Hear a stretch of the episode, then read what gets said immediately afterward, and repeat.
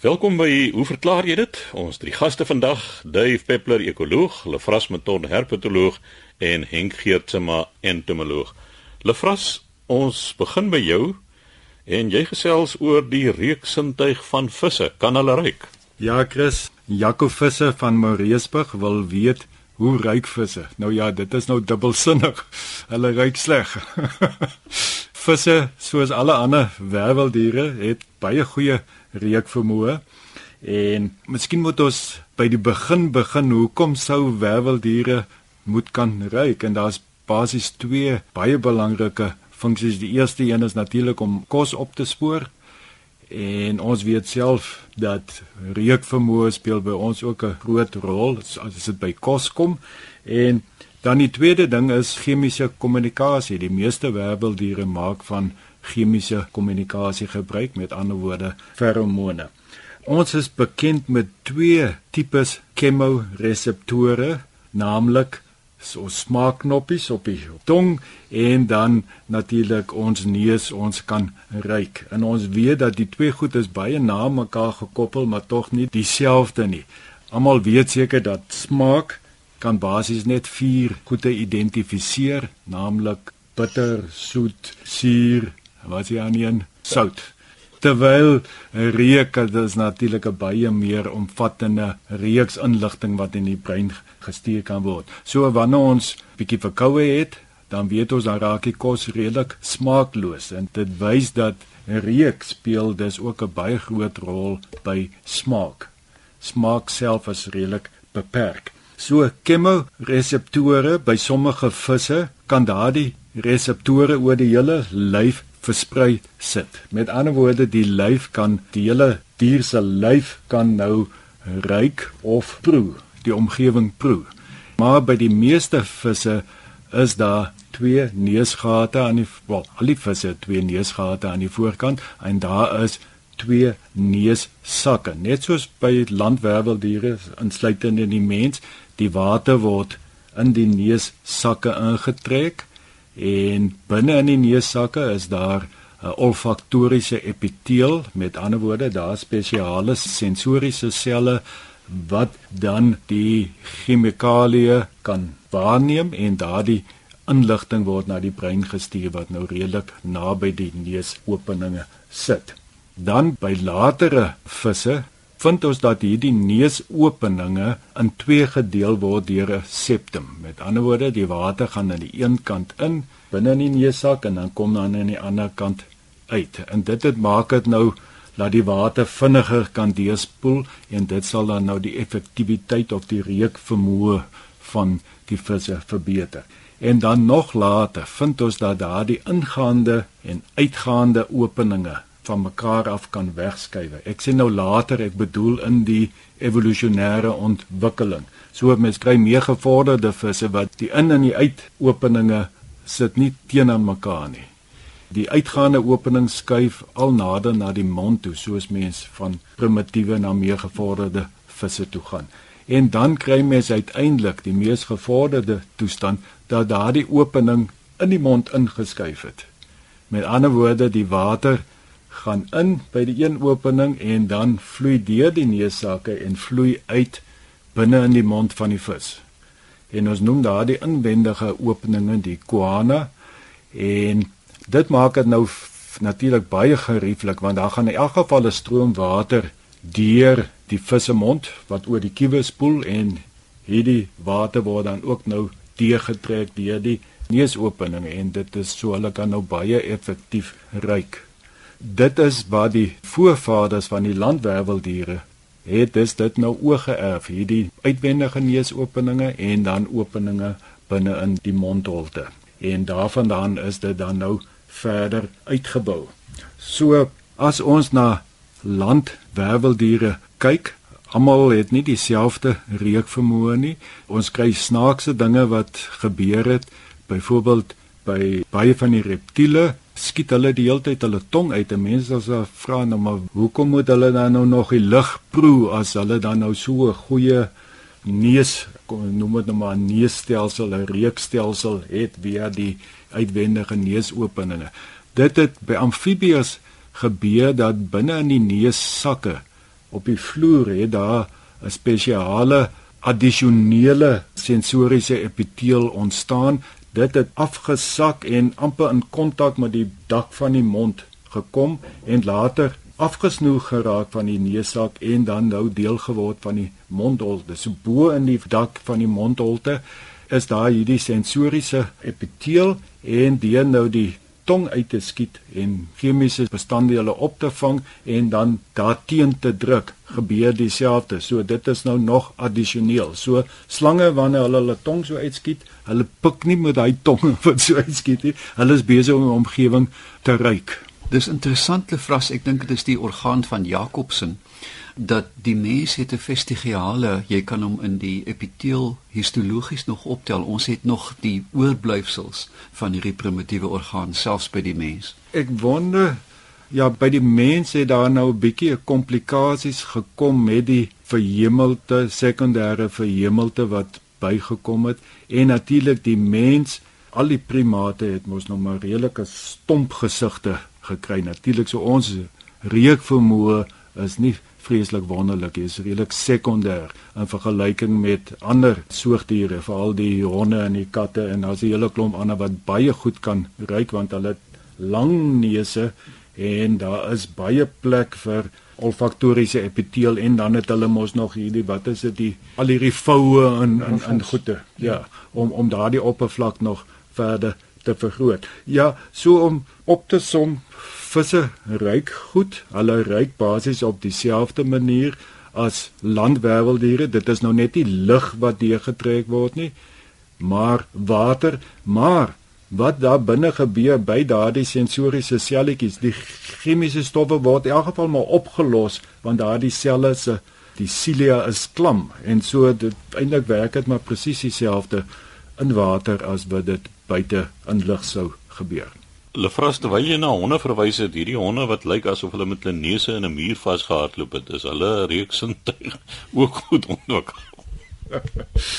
ek uh, ek dink alles moet nog dieselfde daar wees. Dit is nou dalk nou bietjie meer op 'n hoop gedruk, ja. maar ek dink hulle gaan nog baie goed reik. Die evolusionêre tyd was te min om daardie vermoë te verloor. Einstelle vras. As 'n mens dink aan meeste moderne honderrasse is nie meer as 200 jaar oud nie. En in geologiese tyd gaan jy nie die eienskappe van die reukepiteel verloor nie. Die probleem met hierdie stompkop honde kry hartaanvalle want hulle kan nie asemhaal nie. Ja, dit was dan Lefras beton wat verduidelik het waarmee of hoe visse dan ruik. Henk Geertsma, ons entomoloog is aan die woord. En Henk, dis interessant vandat jy so 'n paar weke gelede oor bye gesels het, het jy sommer heelwat reaksie ontvang oor bye en vandag gesels jy weer oor hulle. Dis uh, meneer Dirk Hatting van Wellington. En sy stokperdjie is om gedigte te skryf. En hy het vir my hierdie ene gestuur. Nou in 'n vorige program het Chris Benadi verwys na die swerm van heuningbye om 'n nuwe kolonie te vorm. Nou sê Dirk Hatting hierso en sy gedig is getiteld 'n nuwe huisie. Die koningin van die bytjies het besluit ons nes is te groot. Die helfte moet uit. Nou kom die jong koningin se grootste kans en sy en haar maatjies begin dans. Die jong swerm het tussen bome en berge gewieg, na baie spioen by die hoek van die stal ingevlieg. Die swerm het vrolik gedans en gezoem en die nuwe huisie gaan elkeen sy bes te doen. Hulle gaan die mooiste blommetjies soek met stuifmeel en water maak hulle 'n heuningkoek. Mense en diertjies is vrolik en bly. Die bytjies het 'n nuwe huisie gekry. Nee, ek ek dink dit is 'n baie mooi gedig en jy sê, dis 'n kindergediggie, maar ek dink hopelik die luisteraars dit ook geniet soos wat ek dit geniet het om dit te lees. Die tweede vraag wat gaan oor en dit is nog ons baie soos die Engelsman sal sê 'n kontensieuse vraag. Vra vir ons geleerde vriende of 'n muskiet enige nut het of is dit maar net die verlenging van destyds plaag? Sy verwys seker na die soveel plaag van Egipte. Nou, jy weet in die eerste plek vir ons is 'n muskiet is net 'n onding. Dit hou jou die slaap uit, dit dra siektes aan. Dit besoedel die water. So vir die mense die muskiet eintlik baie min nut. Natuurlik vir die mediese sekere mediese bring dit 'n bron van inkomste. Maar aan die ander kant, kom ons kyk die vraag vanuit die muskiet se standpunt uit. Die muskiet dink die mense is 'n wonderlike gasheer, want hy's groot. Hy leef in beskutte omgewings. Hy skep vir muskiete die ideale broeigeleenthede deur damme te bou, deur buitebande op die werf te laat lê, deur emmertjies met 'n bietjie water, deur geute wat verstop is. So die mense is eintlik vir die muskiet 'n baie handige gasheer. Goed, die muskiet dra 'n paar parasiete, nie laat die muskiet bekommerd is oor die parasiete wat hy ronddra nie, want dit pla nie die muskiet self nie. Dit sal wel miskien die gasheer pla. Aan die ander kant, die muskiet is natuurlik 'n baie goeie voedselbron vir baie visse. Visse is baie lief vir muskietlarwes en dis hoekom mense baie kere visse gebruik as 'n bestrydingsmateriaal teen muskiete. Dan muskiete vorm net deel van die voedselketting van baie ander diere. Vleermuise voed op muskiete by die tonne. Ek vermoed swaalkies sal ook muskiete optel. So die muskiet speel 'n baie belangrike rol in die algemene ekologie van die omgewing. Maar vir die mens, ons bestempel dit baie maklik as 'n plaag. Maar dit is nie noodwendige plaag nie, soos ek sê, mens moet die ding uit 'n ander hoek uit bekyk. Die vraag sou seker wees as mens nou muskiete op 'n of ander manier kan uithaal uit die ekosisteem uit of daar ander spesies is wat as gevolg daarvan dan nou groot skade gaan ly, want dan so kan jy nou bepaal En jy sê nou die muskiet dien as voedselbron. Uh muskiet is seker nou nou deel van 'n groot massa klein ongewerveldes wat as voedsel dien. So uh, is dit werklik nodig en dit bring mense altyd by die vraag is alle diere belangrik in die ekosisteem of nie of is daar seker sleutelspesies wat belangrik is en ander is minder belangrik? Ja, nee, ek stem heeltemal saam, maar die ding is Hoe bepaal mens wat 'n sleutelspesies is? En dit is die probleem eintlik. Ek dink ons vorm almal deel van 'n groot legkaart en om te kyk watter deel van die legkaart kan jy weglaat. Dis weer 'n ander ding wat ons natuurlik ook weet dat muskiete vulle bepaalde niche in die omgewing. Verwyder jy die muskiete daardie niche, gaan daar wel een of ander dier wees wat in daardie niche gaan inklim. So muskiete kan vervang word maar ek dink nie ons gaan dit reg kry nie. Ek kan nie meer uh, Henk, ek dink jy het nou 'n en Lefras ook aan 'n baie belangrike ding geraak, hierdie ding van sleutelspesies. Ons kan eintlik in baie gevalle kan ons bepaal deur eksperimentering. Maar ek dink die muskiete is op aarde om dowe neute nie. Daarby is daar geen twyfel nie en torring aan hierdie ding en jy kan die mees onverwagte reaksie kry. Dit kan dalk heeltemal onverwant wees aan muskiete, daar kan dalk 'n plant uitsterf. Dave, verduidelik net vir my die plante, hoe sterf dit uit? As jy kyk na die verwantskap tussen kolibries wat ja. plante besoek Besuif. En ook moontlik besuif, maar as jy dan kyk na die insekte wat op die plante woon of in die plante bly wat kolibries bestuif, het meeste van hulle hulle vlerke verloor en gebruik die kolibrie dan as 'n zola bud tussen na die volgende blom toe.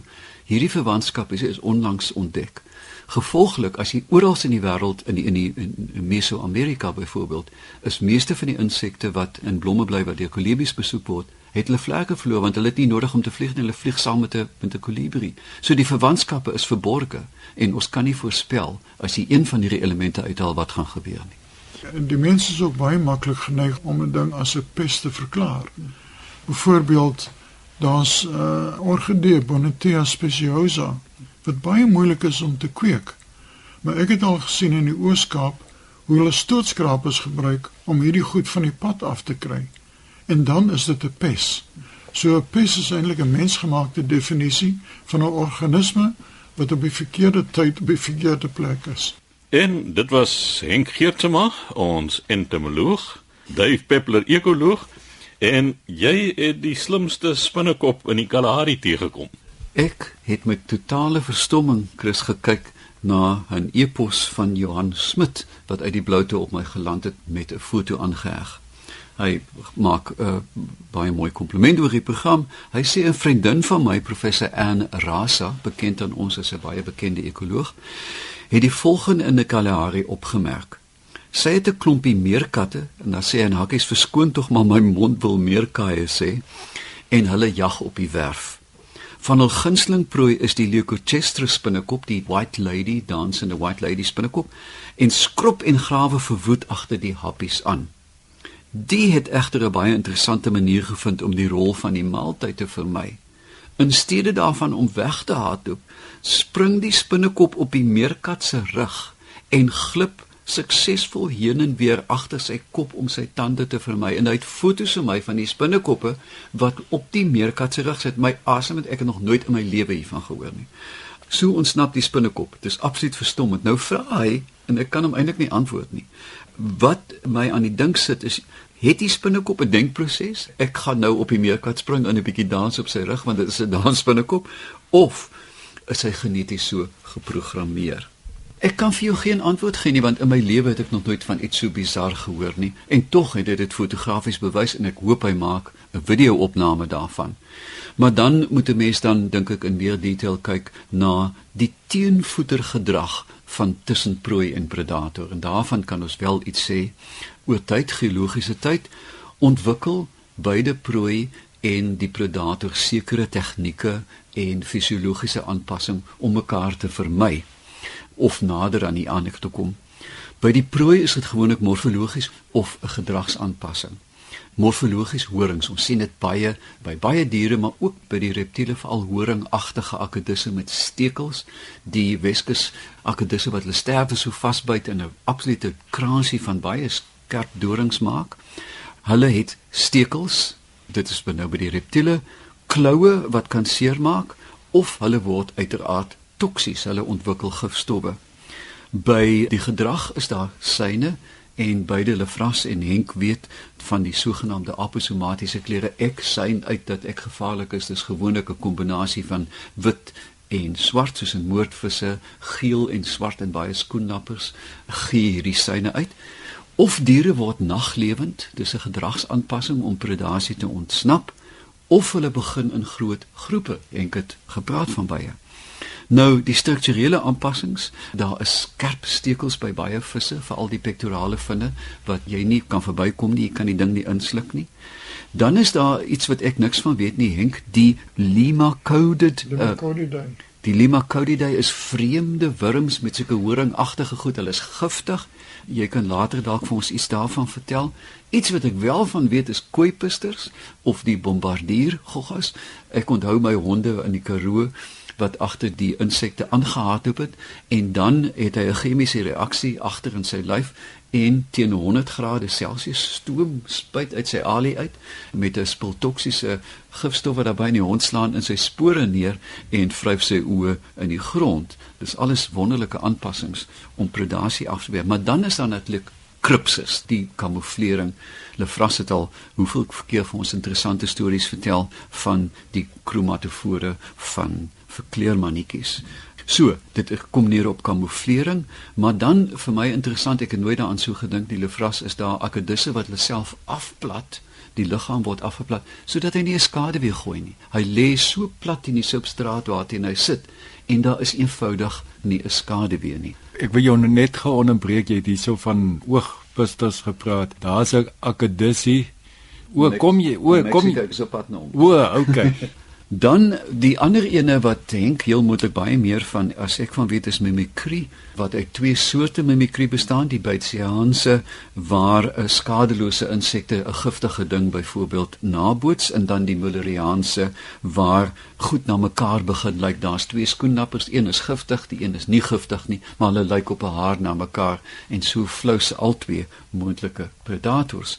En wat Lefras nou vir my wou herinner van het ek toe wel ook raak geloop die Texas horingakedus nou die stomme ding as hy bedreig word bars 'n aar in die oog en hy spuit eenvoudig 'n straal bloed na sy predator wat sleg smaak die coyotes probeer dit ontslaa die probleem is dat hy in so 'n spuit die helfte van sy bloedvoorraad uitspuit Uh, so jy kan dit net eenmaal doen, maar dit is 'n verstommende aanpassing by 'n reptiel. Dave, wat ek nou eintlik na verwys het of wou verwys is daar in die Kalahari is daar ook 'n akadissie, die kleintjies.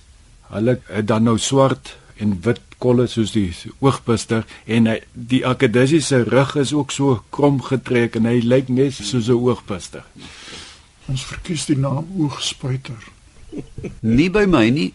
Om terug te kom, Dave, by jou die oorspronklike. Ek dink daai spinnekop is net 'n ontsnap reaksie en die spinnekop kom agter, maar dis die beste plek om te wees om te ontsnap van die prooi, so op die rug van die prooi. Uiteraard dink, maar ek dink 'n mens het ook hierdie breë agtergrond nodig om by 'n soort van 'n samevatting te kom. Dan is daar gedrag. Nou hierdie is 'n gedragpatroon van die spinnekop. Ons dink byvoorbeeld aan jong bokke, jong springbokke veral die lammers wat pronk. Pa en ma pronk ook, veral pa, maar soms as jy dan 'n klompie lammers bymekaar raak, is hulle so springmilies in die veld. Jy weet jy sien net ping ping ping ping spring hulle in jou. En dit sê vir die jakkals, oppas ou maat, ek kan hoog spring, ek is fiks. Die een wat nie spring nie gaan heel moontlik gevang word. Dan is daar 'n doodspel of doodspeel. Mense vind dit by adders, weet ek hulle vras van sommige van die adders draai eenvoudig om en lyk of hy dood is. Maar ook klein bokke wat in 'n soort van 'n torpor ingaan dat die liggaamsmetabolisme gaan lê as hy eenkant lê. Dit lyk of hy nie asemhaal nie. Ek het tot my skande eendag so een raak geloop in die veld en met 'n TV-program my stem heeltemal in soort van 'n rigor mortis mode ingesit en sê hier lê die lammetjie dood. Dit is 'n kwessie van tyd en toe ek sê tyd spring hy voor die kamera op en dit was die laaste wat ons van hom gesien het.